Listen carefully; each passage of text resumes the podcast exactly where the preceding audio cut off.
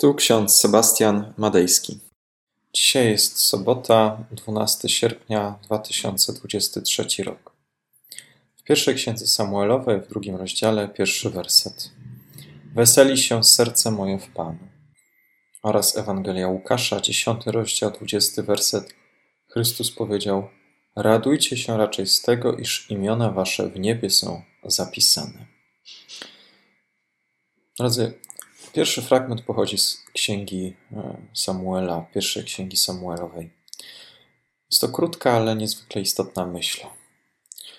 Weseli się serce moje w Panu.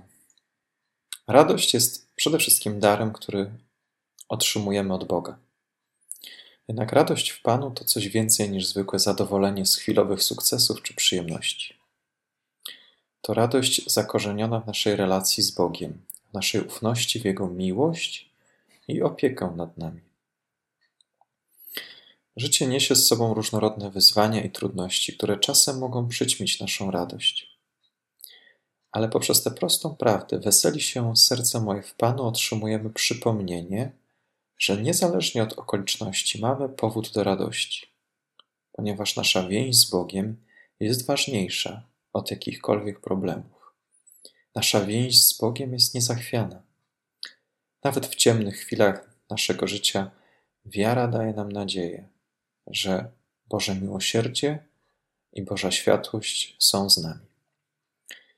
Drugi fragment pochodzi z Ewangelii Łukasza. Brzmi: Radujcie się raczej z tego, iż imiona wasze w niebie są zapisane. Jest to zaproszenie Pana Jezusa do refleksji nad najważniejszymi wartościami w naszym życiu. Chociaż sukcesy w naszym życiu mogą dostarczać nam chwilowej radości. Zakup nowego samochodu, nowego domu, nowego mieszkania albo jakiegoś innego przedmiotu. To są radości, które nam towarzyszą, ale nasze prawdziwe bogactwo leży w relacji z Bogiem oraz w wartościach duchowych.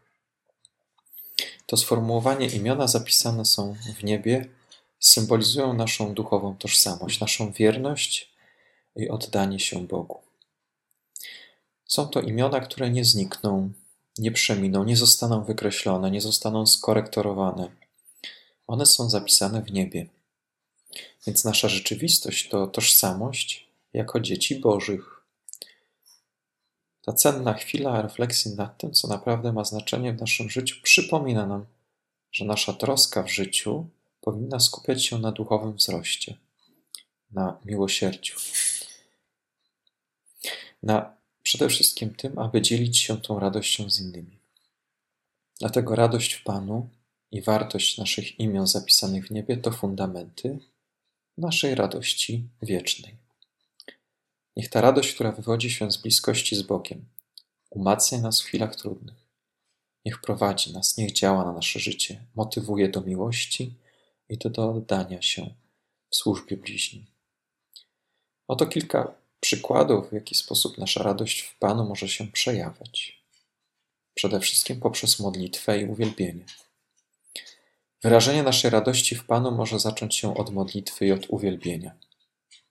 Dziękując Bogu za Jego błogosławieństwa, miłosierdzie i prowadzenie, wyrażamy naszą wdzięczność i radość z Jego obecności w naszym życiu. Ponadto radość w Panu polega na tym, że dzielimy się z innymi tą radością. Poprzez dzielenie się radością z innymi możemy przede wszystkim pomnażać radość w tym świecie. Możemy w postawie ludzi, którzy chcą pomagać innym, ofiarować swój czas, umiejętności czy wsparcie wszystkim tym, którzy tego potrzebują.